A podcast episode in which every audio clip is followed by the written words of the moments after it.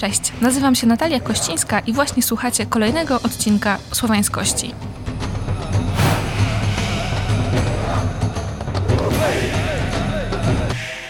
Dzisiaj w Słowiańskościach opowiem Wam o językach słowiańskich. I od razu zacznę od tego, że bardzo mnie cieszy ten dzisiejszy temat, dlatego że jak wiecie, kończyłam polonistykę. I jednym z moich absolutnie ulubionych przedmiotów na tych studiach była gramatyka historyczna, gdzie zajmowałam się m.in. rekonstruowaniem właśnie brzmienia słów, a właściwie wyglądu w języku staropolskim, a nawet w prasłowiańskim. Co prawda ja pierwszy semestr ledwo zaliczyłam, ale zupełnie mi to nie wybiło z głowy tej miłości i kiedy dzisiaj zaglądałam do swoich notatek, żeby przygotować materiały do tego odcinka, no to sprawiło mi to naprawdę ogromną frajdę. Gdy mogłam się do tego cofnąć i przypomnieć sobie te rzeczy, których zajmowałam się na studiach. Naprawdę to było super. I mam nadzieję, że też Wam się ten temat tak spodoba. Ale zacznijmy po kolei. W ogóle, co to są te języki słowiańskie i jak je definiujemy i, i jakie mają przykłady. Ale zacznijmy od tego, co było dawno, dawno temu, a nawet jeszcze dawniej. Uważa się, że ludność Europy porozumiewała się jednym językiem, który nazywamy dzisiaj językiem praindoeuropejskim. Z tego względu, że ludy wędrowały, oddalały się od siebie, no to też te języki, którymi one mówiły, dialekty, zaczynały się od siebie odróżniać.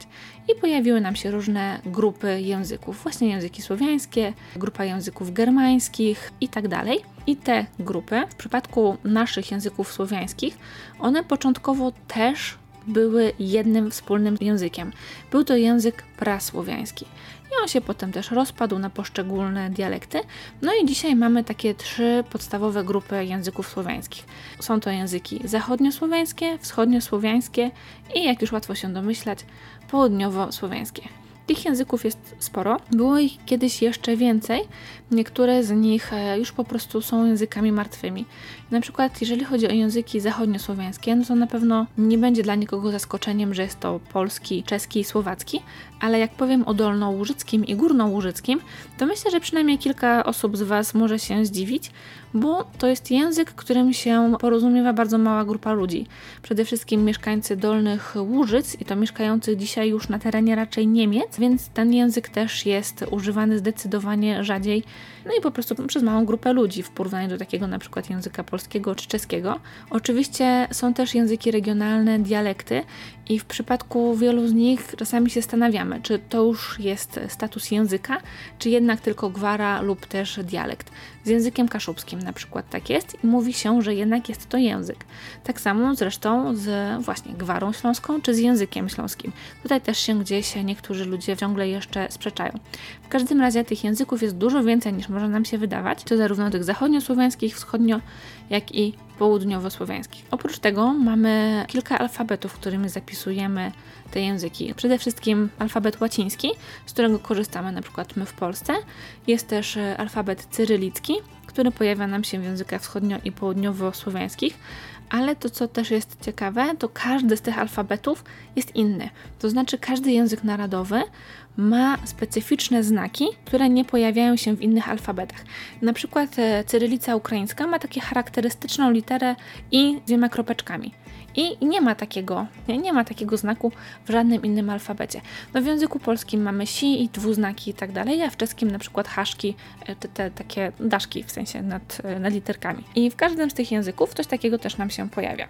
Ale z racji tego, że wszystkie te języki, niezależnie od tego, czy one są wschodnio, zachodnio czy południowo-słowiańskie, wywodzą się właśnie z tego jednego wspólnego pnia, którym jest język prasłowiański. I w związku z tym one mają bardzo dużo cech wspólnych. Jedną z nich na przykład jest fleksyjność, czyli to, że rzeczowniki w językach słowiańskich odmieniają się najczęściej przez 6 lub 7 przypadków. Oprócz tego w każdym języku słowiańskim czasowniki dzielimy na dokonane albo nienadokonane. Pojawiają się zmiękczenia. Tego też nie ma w wielu innych językach, ale we wszystkich słowiańskich to nam się pojawia. Oprócz tego mamy skomplikowane zbitki spółgłoskowe. Na pewno kojarzycie te wszystkie wyrazy, których nie da się wymówić, ale na przykład bezwzględny, tak? Zywy, zygl obok siebie. No strasznie dużo. To jest właśnie charakterystyczne dla wszystkich języków słowiańskich. Pojawia się to i w języku polskim, i w rosyjskim, i właściwie w każdym innym języku słowiańskim. Co jest też ciekawe, to na pewno też się zorientowaliście, to wielokrotnie, jeżeli słyszeliście jakiś język słowiański, że jesteśmy w stanie bardzo wiele z niego wyłapać, bo to jest podobieństwo na poziomie gramatyki, ale oprócz tego jest dużo podobieństw w słownictwie. I jeżeli ktoś do nas mówi w którymś z języków słowiańskich, to jesteśmy w stanie coś zrozumieć. Oczywiście niektóre języki będą bardziej zbliżone do polskiego, a inne mniej. Na przykład słowacki jest tutaj chyba najbliższy językowi polskiemu, ale też ukraiński, mimo że ukraiński należy do grupy języków wschodniosłowiańskich, to wspólna historia i obecność pogranicza sprawiła, że te języki też w jakiś sposób są do siebie podobne i jesteśmy w stanie zrozumieć bardzo dużo, nawet tego języka nie znając. No zresztą na pewno nie muszę Wam tego podobieństwa tłumaczyć. Było to też fajnie widać w tych quizach, które Monika z bloga Bewildered Slawika robiła na swoim Instagramie, gdzie okazywało się, że no faktycznie bardzo wiele rzeczy jesteśmy w stanie intuicyjnie zrozumieć. Oczywiście nie wszystkie, ale często przychodzi nam to naprawdę z łatwością. I tutaj też chciałam Wam rzucić taką książkę, która pokazuje właśnie te wszystkie podobieństwa. To jest Słowosławia, czyli szkice z etnolingwistyki słowiańskiej. Napisał ją Dejan Ajdacit i to jest fajna sprawa, bo autor tej książki on mówi w wielu tych językach. Mieszkał w ogóle w kilku słowiańskich krajach, między innymi mówi właśnie po serbsku, po polsku, po ukraińsku, po rosyjsku i dzięki temu mógł e, w tych swoich szkicach zamieścić naprawdę bardzo wiele aspektów i porównywać różne języki między sobą. I to też jest w ogóle ciekawa sprawa, dlatego że on porównuje nie tylko gramatykę, pismo, powiedzmy, ale też treści, które są w tym języku zapisywane. Mnie się w tej książce bardzo podobał rozdział o słownictwie erotycznym. Rozwinę kiedyś ten temat, dlatego że w ogóle erotyka w kulturze ludowej to jest absolutnie fantastyczny temat i tam wciąż istnieje wiele stereotypów o niej, no ale właśnie o tej kulturze ludowej też Aida wspomina, że na przykład to słownictwo erotyczne jest dużo bardziej rozbudowane w językach wschodnio- i południowosłowiańskich niż w językach zachodniosłowiańskich. I jako jedną z możliwych przyczyn takiego stanu rzeczy, on podaje właśnie to, że inaczej się rozwijała relacja między kulturą ludową a tak zwaną kulturą wysoką w tych krajach, a inaczej w krajach zachodniosłowiańskich. I kiedy sobie przypominam to, czego się uczyłam właśnie na temat tej kultury ludowej i obecności erotyki, no to faktycznie coś w tym jest. Zresztą ta książka też jest o tyle ciekawa, że Aidacic jakby nie skupia się tylko na tym, że okej, okay, fajnie języki kiedyś się upodobniały, kiedyś się zmieniały, a teraz to już nie, ale pokazuje zmiany, które w tych językach zachodzą też dzisiaj i też wpływają one na siebie i porównuje je między sobą. Pisze o tym na przykład, jak internet wpływa na zmiany w tych językach, ale w tej książce jest też e, fajny rozdział o wiedźmach. No wiadomo, wiedźmy są w ogóle interesujące, ale to, na co ja zwróciłam uwagę i co to nam się potwierdza też, że słowa zmieniają znaczenie. To znaczy, że wiedźma kiedyś była negatywna, jeszcze niedawno. Dzisiaj już niekoniecznie to tak działa. To znaczy, ta wiedźma, owszem, ona wciąż gdzieś tam się kojarzy z tą czarownicą, co zjadała dzieci, ale wchodzi nowe znaczenie, właściwie to pierwotne, kobiety, która wie. I ta konotacja już nie jest tak bardzo negatywna. Zresztą w tej książce znajdziecie też sporą część o frazeologii i to pokazuje, że w ogóle badania nad językiem to jest super sprawa, dlatego że one dostarczają nam wiedzy nie tylko o samym języku, ale na przykład o kulturze duchowej Słowian. Do czego jeszcze zresztą nawiążę, jak będę wspominała o języku starocerkiewnosłowiańskim, a mam zamiar to dzisiaj zrobić. I też na pewno kojarzycie odcinek o wierzeniach Słowian, gdzie też wspominałam o tym, że pewne informacje na temat kultury duchowej byliśmy w stanie wyciągnąć właśnie z rekonstrukcji języka, z znajdywania poszczególnych słów i badania tego, czy one były już obecne w języku, czy raczej przyszły do nas z zewnątrz. Ale o tym za chwilę. Chciałam zacząć w ogóle od języka prasłowiańskiego, czyli wspólnego prajęzyka wszystkich Słowian. Z tego języka wykształciły się właśnie wszystkie późniejsze języki słowiańskie. Nie istnieją żadne zabytki zapisane w tym języku. To, co znaleziono, to są zabytki z języka starocerkiewno-słowiańskiego i też e, mówi się, że on może być po prostu jakąś formą pisaną jednego z dialektów tego języka prasłowiańskiego. No, ale to jednak nie to. Ale w ogóle skąd wiemy w takim razie, jak ten język mógł wyglądać? Nie wiemy, jak mógł brzmieć. No, siłą rzeczy tego się już nie dowiemy, bo nikt nam tego przecież nie nagra. Oczywiście są badacze, którzy się zajmują na przykład e, akustycy, chyba tak bym mogła powiedzieć, którzy na podstawie powiedzmy kształtu krtani, kości i, i budowy ciała są w stanie w jakiś sposób zrekonstruować brzmienie głosu czyjegoś ale czy udałoby się zrekonstruować brzmienie całego języka, to już jest na pewno, na pewno trudniejsze. każdym razie możemy zrekonstruować wygląd tego języka, w sensie w formie pisanej. Oczywiście przypominam, że ten język nie ma, nie istnieje w zabytkach, więc nie wiemy jak wyglądał, nie wiemy jaki byłby jego zapis, więc oczywiście zapisujemy to alfabetem łacińskim e, z taką gwiazdką, żeby było wiadomo, że to jest rekonstrukcja. W jaki sposób możemy go rekonstruować? No przede wszystkim porównując rozwój różnych języków słowiańskich. To jest w ogóle świetna sprawa, bo pamiętam swój egzamin z gramatyki historycznej, który tak naprawdę udało mi się zdać e, na piątkę. To już był ten kolejny semestr, gdzie poszło mi zdecydowanie lepiej, dlatego że znałam wówczas ukraiński i porównywałam sobie pewne rzeczy, jak one brzmiały w języku polskim, a jak brzmiały w ukraińskim. I dzięki temu dużo łatwiej było mi wyłapywać pewne procesy, które w tych językach zachodziły. I to widać do dzisiaj. I to jest w ogóle rzecz absolutnie wspaniała, jak wiele tych pozostałości słyszymy w języku nadal. Tylko my się po prostu nad tym nie zastanawiamy, jak one są niesamowicie stare. Jak one bardzo sięgają do tych naszych korzeni. Ale dobra, język prasłowiański, jak on mógł wyglądać? Jest podejrzenie, że mogło w nim istnieć nawet 28 różnych samogłosek co by oznaczało, że jest ich strasznie dużo. Wśród tych samogłosek możemy wyróżnić kilka takich specyficznych. Monoftongi, wspaniałe słowo, czyli najzwyklejsze na świecie pojedyncze dźwięki, takie jak A albo U. Kolejna rzecz to są sonanty, czyli spółgłoski zgłoskotwórcze. Wiem, brzmi strasznie, ale już tłumaczę o co w tym chodzi. W ogóle mówię, że samogłoski, a tutaj spółgłoski. No właśnie, bo sonanty to są takie, hmm, no powiedzmy właśnie te spółgłoski, które jednocześnie mogą utworzyć sylabę.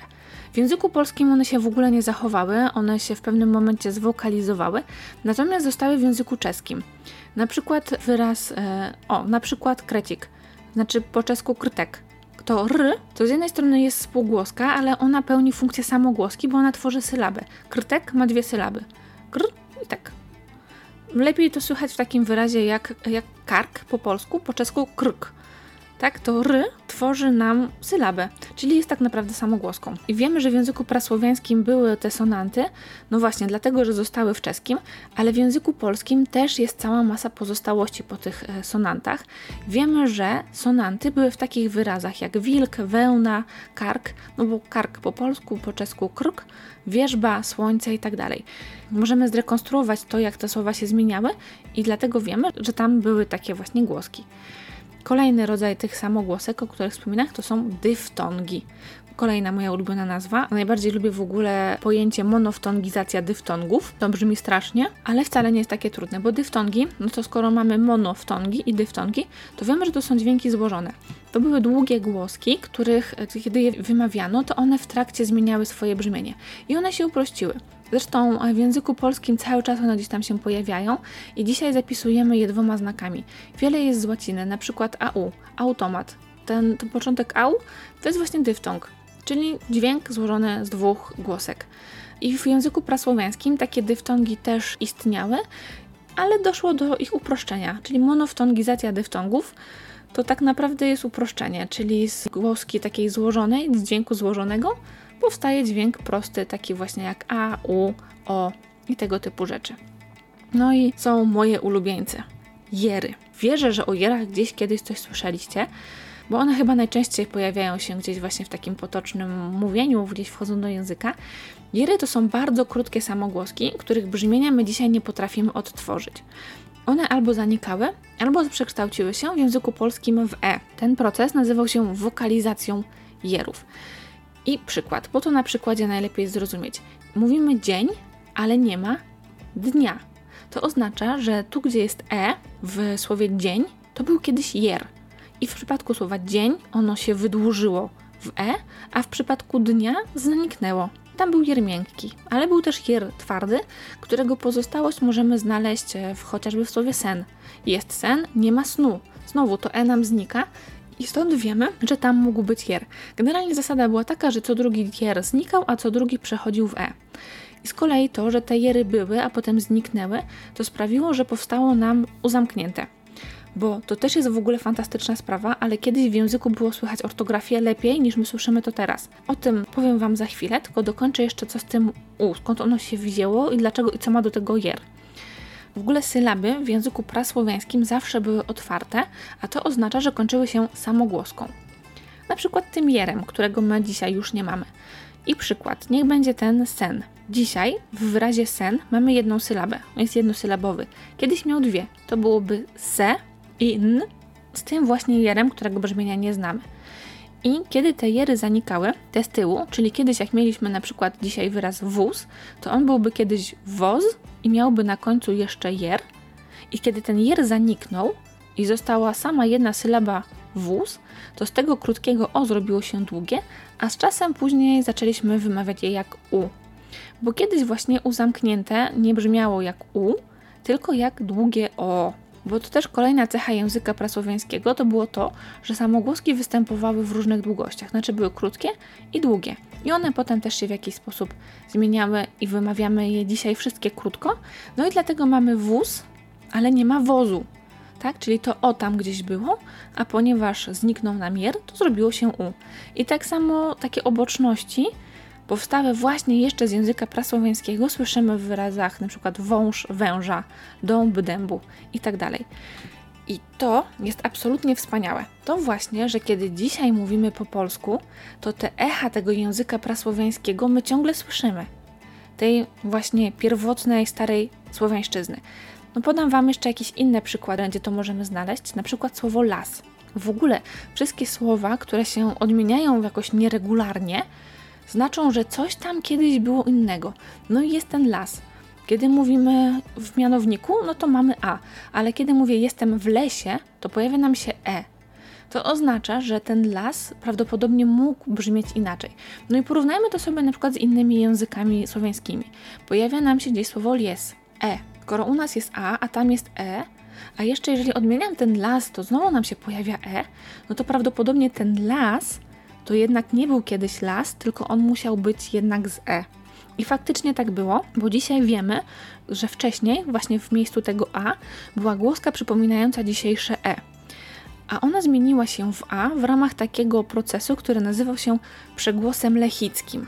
Wiemy, kiedy mniej więcej w historii ten proces nastał, i wiemy, że wtedy właśnie to E zamieniło się w A. Inny taki przykład, właśnie kiedy gdzieś możemy pomyśleć, że coś jest tutaj na rzeczy, że coś się zmieniło, no to rzeczownik żona. Ok, jest żona, nie ma żony, żonie z żoną, wszystko nam się zgadza, ale żenić się. I znowu coś jest nie tak, jest e. No i sprawdzamy inne języki. Na przykład niech będzie rosyjski żena. Też jest e. No i to oznacza, że coś jest w tym momencie z tą naszą żoną nie tak. I faktycznie, tutaj doszło z kolei do przegłosu polskiego, który właśnie pojawił się już tylko w języku polskim. Czyli w niektórych miejscach e zamieniło się w o. Oczywiście jakby nie każde E zamieniało się w O, bo to musiało być jakieś e, w konkretnym miejscu, musiało spełnić całą masę różnych warunków, ale wiemy, że tak właśnie do tego doszło i że to się zmieniło. Tak naprawdę w ogóle powinniśmy mówić o żenie, ale ponieważ język dąży do tego, żeby się uprościć, no to także w tym przypadku też doszło do, do uproszczenia i do tego przegłosu takiego, można powiedzieć, analogicznego. I język się uprościł, i teraz mówimy właśnie żona, żonie, z żoną i tak dalej, i to jest proste.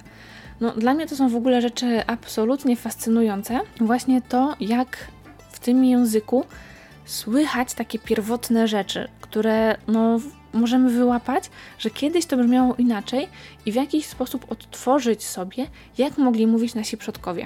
I to też świetnie widać właśnie kiedy porównujemy sobie różne języki słowiańskie. Tak jak już mówiłam o tych sonantach, tak? My mamy kark, a Czesi mają krk. I jak sobie porównujemy te języki, no to naprawdę wychodzą nam absolutnie piękne rzeczy.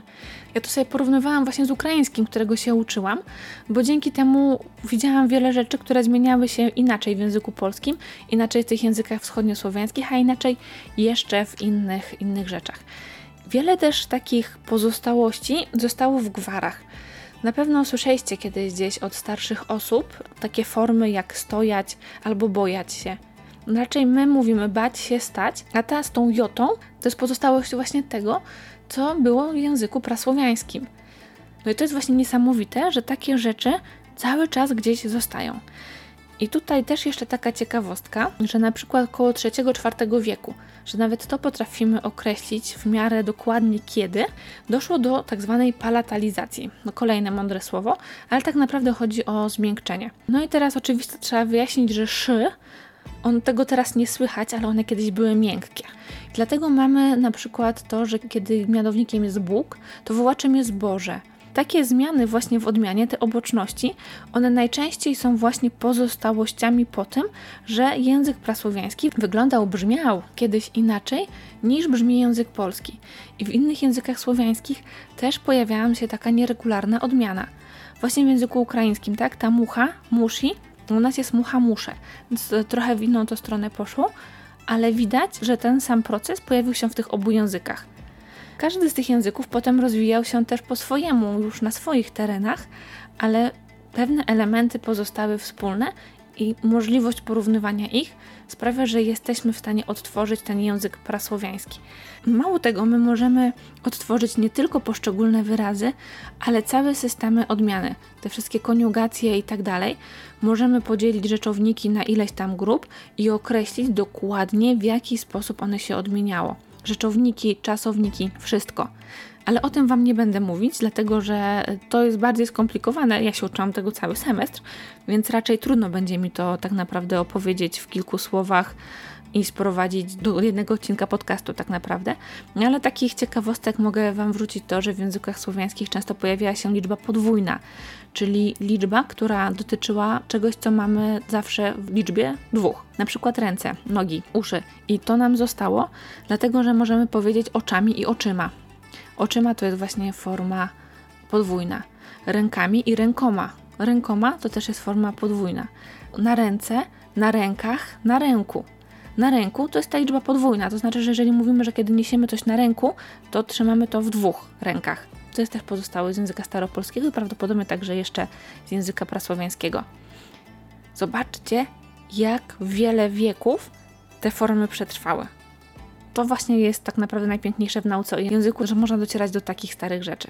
Jak jesteśmy o takich starych rzeczach, to już ten język prasłowiański zostawmy, a opowiem Wam trochę o języku starocerkiewnosłowiańskim. Ja straszliwie żałuję, że już teraz e, w programie moich studiów nie było nauki tego języka, bo uważam, że bardzo mocno by mi to pomogło właśnie w nauczaniu się tej gramatyki historycznej i może bym ten pierwszy semestr zdała normalnie jak człowiek, a nie z problemami.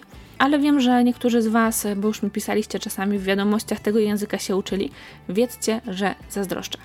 Język starocerkiewno-słowiański mówi się, że to jest literacka forma języka prasłowiańskiego, a dokładnie jednego z dialektów, który możemy umiejscowić w okolicach Salonik. Ten język został spisany m.in. dlatego, że on został był używany i jest używany zresztą nadal w liturgii Kościoła Wschodniego, później też prawosławnego i dzięki temu mamy stare zabytki właśnie pisemne związane z tym językiem, sięgające nawet IX wieku. W większości te teksty znamy z kopii późniejszych, tam z X i XI wieku, które były spisywane przez braci Sołuńskich, czyli Cyryla i Metodego. No i właśnie jak mówimy Cyryl, to od razu myślimy o cyrylicy ale to za moment, bo to też nie takie proste. W każdym razie, jeżeli chodzi o język starocerkiewno-słowiański, to znamy go na tyle dobrze, właśnie dlatego, że zachowały się zabytki pisane.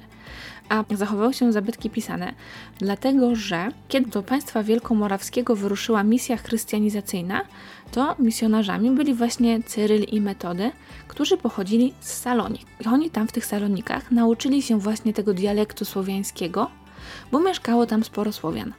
I w momencie, kiedy wyruszali z misją chrystianizacyjną, przetłumaczyli bardzo dużo tekstów, właśnie tych chrześcijańskich, na język, który my dzisiaj określamy jako starocerkiewno-słowiański. Cyryl, czy prawdopodobnie Cyryl, tak się mówi, stworzył pismo, które nazywa się Głagolica.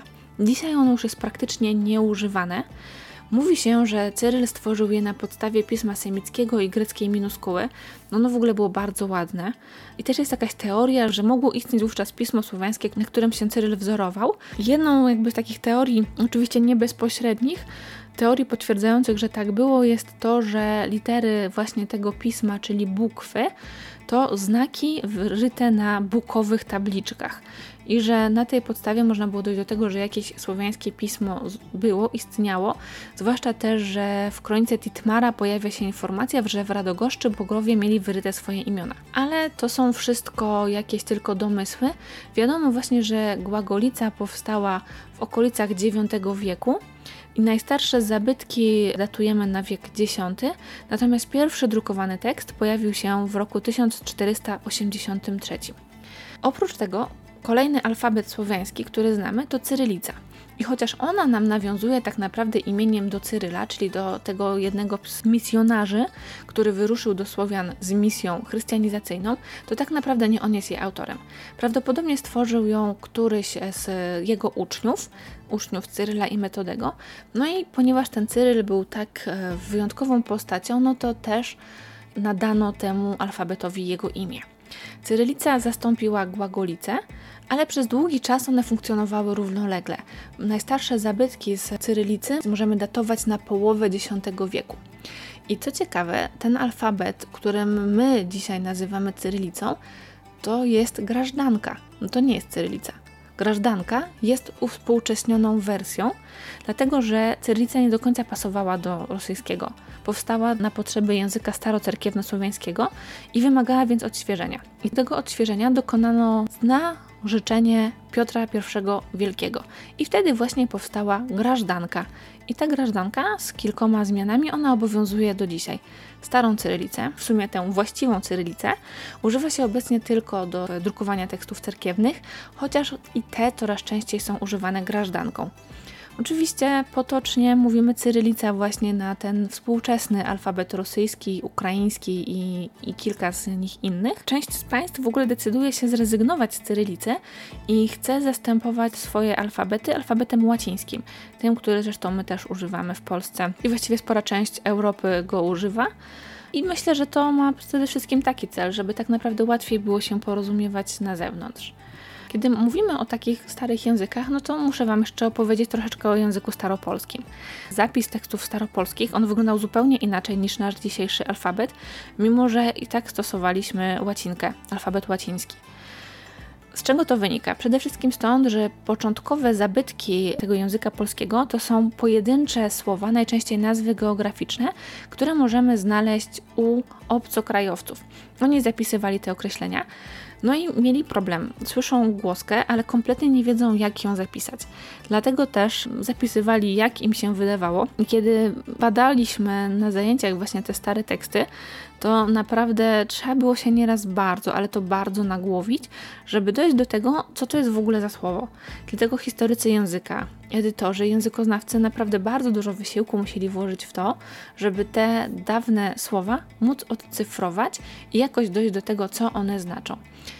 I na przykład do XIV wieku w języku polskim nie było dwuznaków, tak? czyli szy, dzy i tak dalej i nie oznaczały się też w żaden sposób miękkości głosek, czyli si nie miało żadnej kreseczki i tak dalej, a nosówki, czyli on, e, zapisywało się jako om albo on, albo wrzucało się w ogóle jakiś taki jeden specyficzny znak. Więc generalnie jak dostaniemy taki tekst, to nie zawsze wiadomo, czy tam jest sy, czy szy, a może si.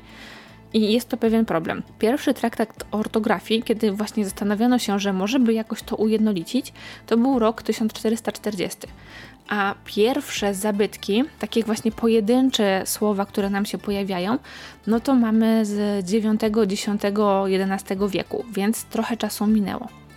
Z kolei najstarsze zabytki, takie już pisemnymi formami polszczyzny, większymi niż właśnie pojedyncze słowa, no to na przykład kazania świętokrzyskie czy psałterz floriański z XIV wieku, kazania gnieźnieńskie z XIV-XV czy psałterz puławski albo Biblia Królowej z XV wieku. Więc, jakby to powiedzieć, późno. No i właśnie mniej więcej w tym czasie, w drugiej połowie XV wieku, a potem na początku wieku XVI, pojawiają nam się te pierwsze traktaty ortograficzne i próbujemy jakoś ten tekst ujednolicić, tak żeby ludzie w całej Polsce pisali w miarę podobnie, zwłaszcza, że to się też nam gdzieś pojawia też wynalezieniem druku i tak dalej, więc fajnie byłoby jednak, żeby ci ludzie w miarę gdzieś czytelnie pisali. Ale to, co jest też ciekawe, to jeżeli chodzi o ten język staropolski, to zmienił się nie tylko zapis, tak jak na przykład te dwuznaki, ale też zmieniła się wymowa. Bo kiedyś w języku było słychać ortografię. To, co już Wam wrzuciłam na początku o tym U zamkniętym, tak? które kiedyś było po prostu długim O, a potem nawet jak brzmiało U, to jednak różniło się brzmieniem od U otwartego. I dokładnie tak samo było z Ż z kropką i z RZ. RZ brzmiało bardziej jak takie R, to R było tam jednak słychać, a Ż było bez tego elementu, bez tego właśnie R. Tak samo inaczej wymawiało się samo H i CH. Zresztą u starszych osób wciąż jeszcze czasami można usłyszeć dźwięczne H. I to też jest w ogóle fajna sprawa, bo jeżeli sobie będziemy porównywać język polski i na przykład ukraiński, czy też język rosyjski, to bardzo często możemy pomóc sobie w nauce ortografii, bo na przykład tam, gdzie u nas jest samo H, w języku rosyjskim będzie G, a w języku ukraińskim będzie właśnie to dźwięczne H które u nas też kiedyś było dźwięczne, ale po prostu zaniknęło i dzisiaj w wymowie tak naprawdę tego nie słyszymy. Ale jeżeli chodzi o przykład, to najwyraźniej to dźwięczne H słychać w imieniu Bohdan. To H jest zupełnie inne niż kiedy mówimy o, mm, chciałam powiedzieć hamak, ale to jest akurat zły przykład, dlatego że tam też mamy samo H, tylko ta dźwięczność zupełnie zaniknęła.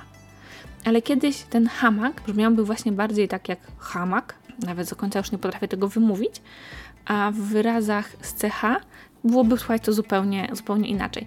I jak gdzieś będziecie mieli okazję porozmawiać ze starszymi ludźmi, to też zwróćcie uwagę, że czasami jeszcze u nich to słychać. Dlatego kiedyś ortografia była chyba łatwiejsza, bo te, te wszystkie różnice można było zdecydowanie łatwiej wyłapać. Zbliżamy się już do końca moich rozważań językowych. W sumie to bardziej jest o tym, jak języki się zmieniały i co możemy z nich ciekawego wyłapać, ale mam dla Was jeszcze dwie ciekawostki.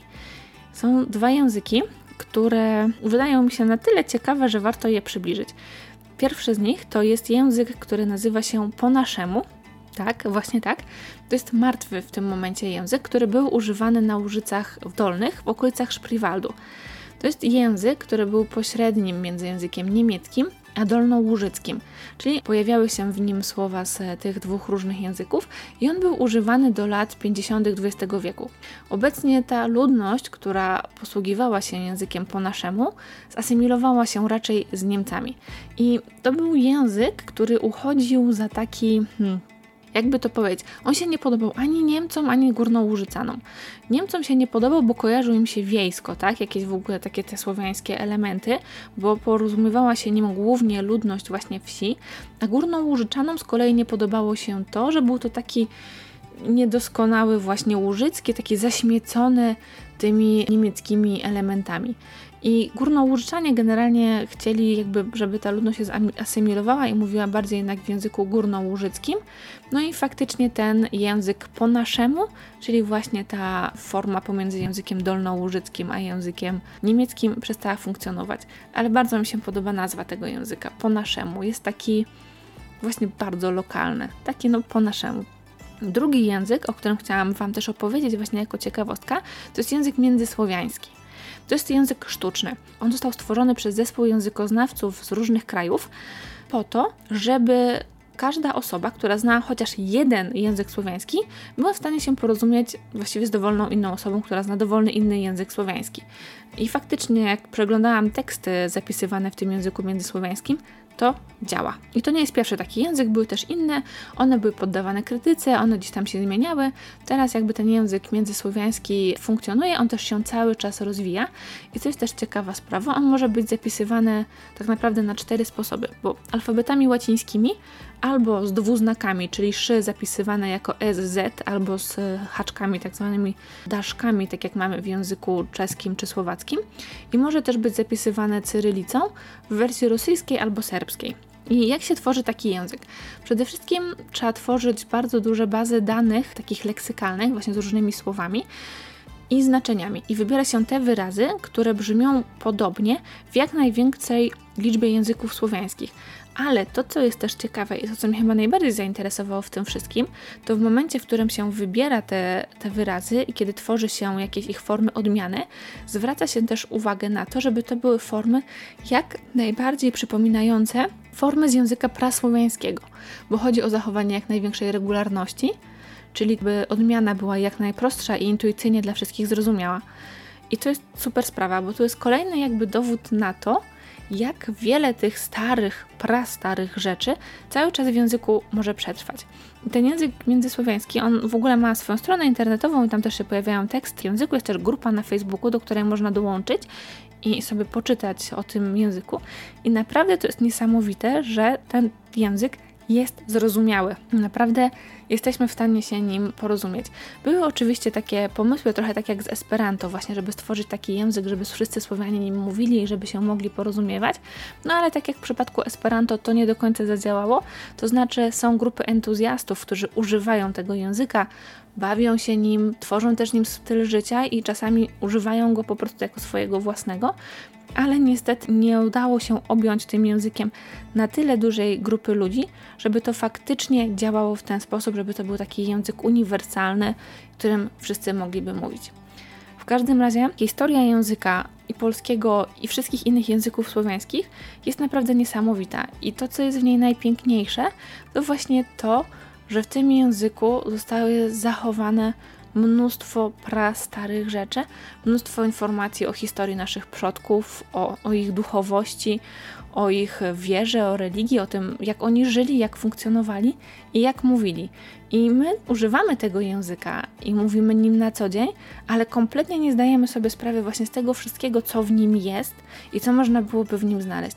Dlatego też fajnie, że powstają takie książki jak ta wspomniana już Słowosławia, która pokazuje nam te wspólne elementy, gdy też zachodzą jakieś próby zrekonstruowania tego, co w tym języku się zmieniło i dlaczego inaczej się zmieniło na przykład właśnie u Słowian południowych, a inaczej u Słowian zachodnich. I to naprawdę jest fascynujące i mam nadzieję, że Was też te języki w jakiś sposób zainteresowały. I myślę, że do tego tematu jeszcze pewnie będę chciała wrócić być może opowiedzieć Wam trochę więcej o poszczególnych językach słowiańskich, a nie tylko o tym, w jaki sposób one się zmieniały i w jaki sposób dochodziło do tego, że mamy dzisiaj takie, a nie inne języki. Jeżeli interesuje Was ten temat, to koniecznie dajcie mi znać, na przykład tego, które języki będą Was e, interesowały. Od razu mówię, że jeżeli chodzi o rosyjski, to śmiało możecie uderzać do Wiktorii z bloga Slavic Book. Jeżeli chodzi o serbski, to do Moniki z Bewildred Slavika. Ja niby znałam trochę ukraińskiego i trochę w nim czytam, więc jeżeli ktoś byłby zainteresowany tym językiem, to myślę, że też mogłabym coś podpowiedzieć na pewno na temat tego, jak zacząć się uczyć i co robić. No i jak zawsze w opisie znajdziecie listę książek, z których korzystałam i do których też zachęcam tego, żebyście Wy do nich zajrzeli, bo wydają mi się ciekawe, niektóre z nich znam, inne tylko kojarzę z fragmentów gdzieś tam poznawanych na studiach, ale myślę, że ta bibliografia też może Wam się przydać. A tymczasem kończymy, więc trzymajcie się ciepło, do usłyszenia w następnym odcinku, cześć!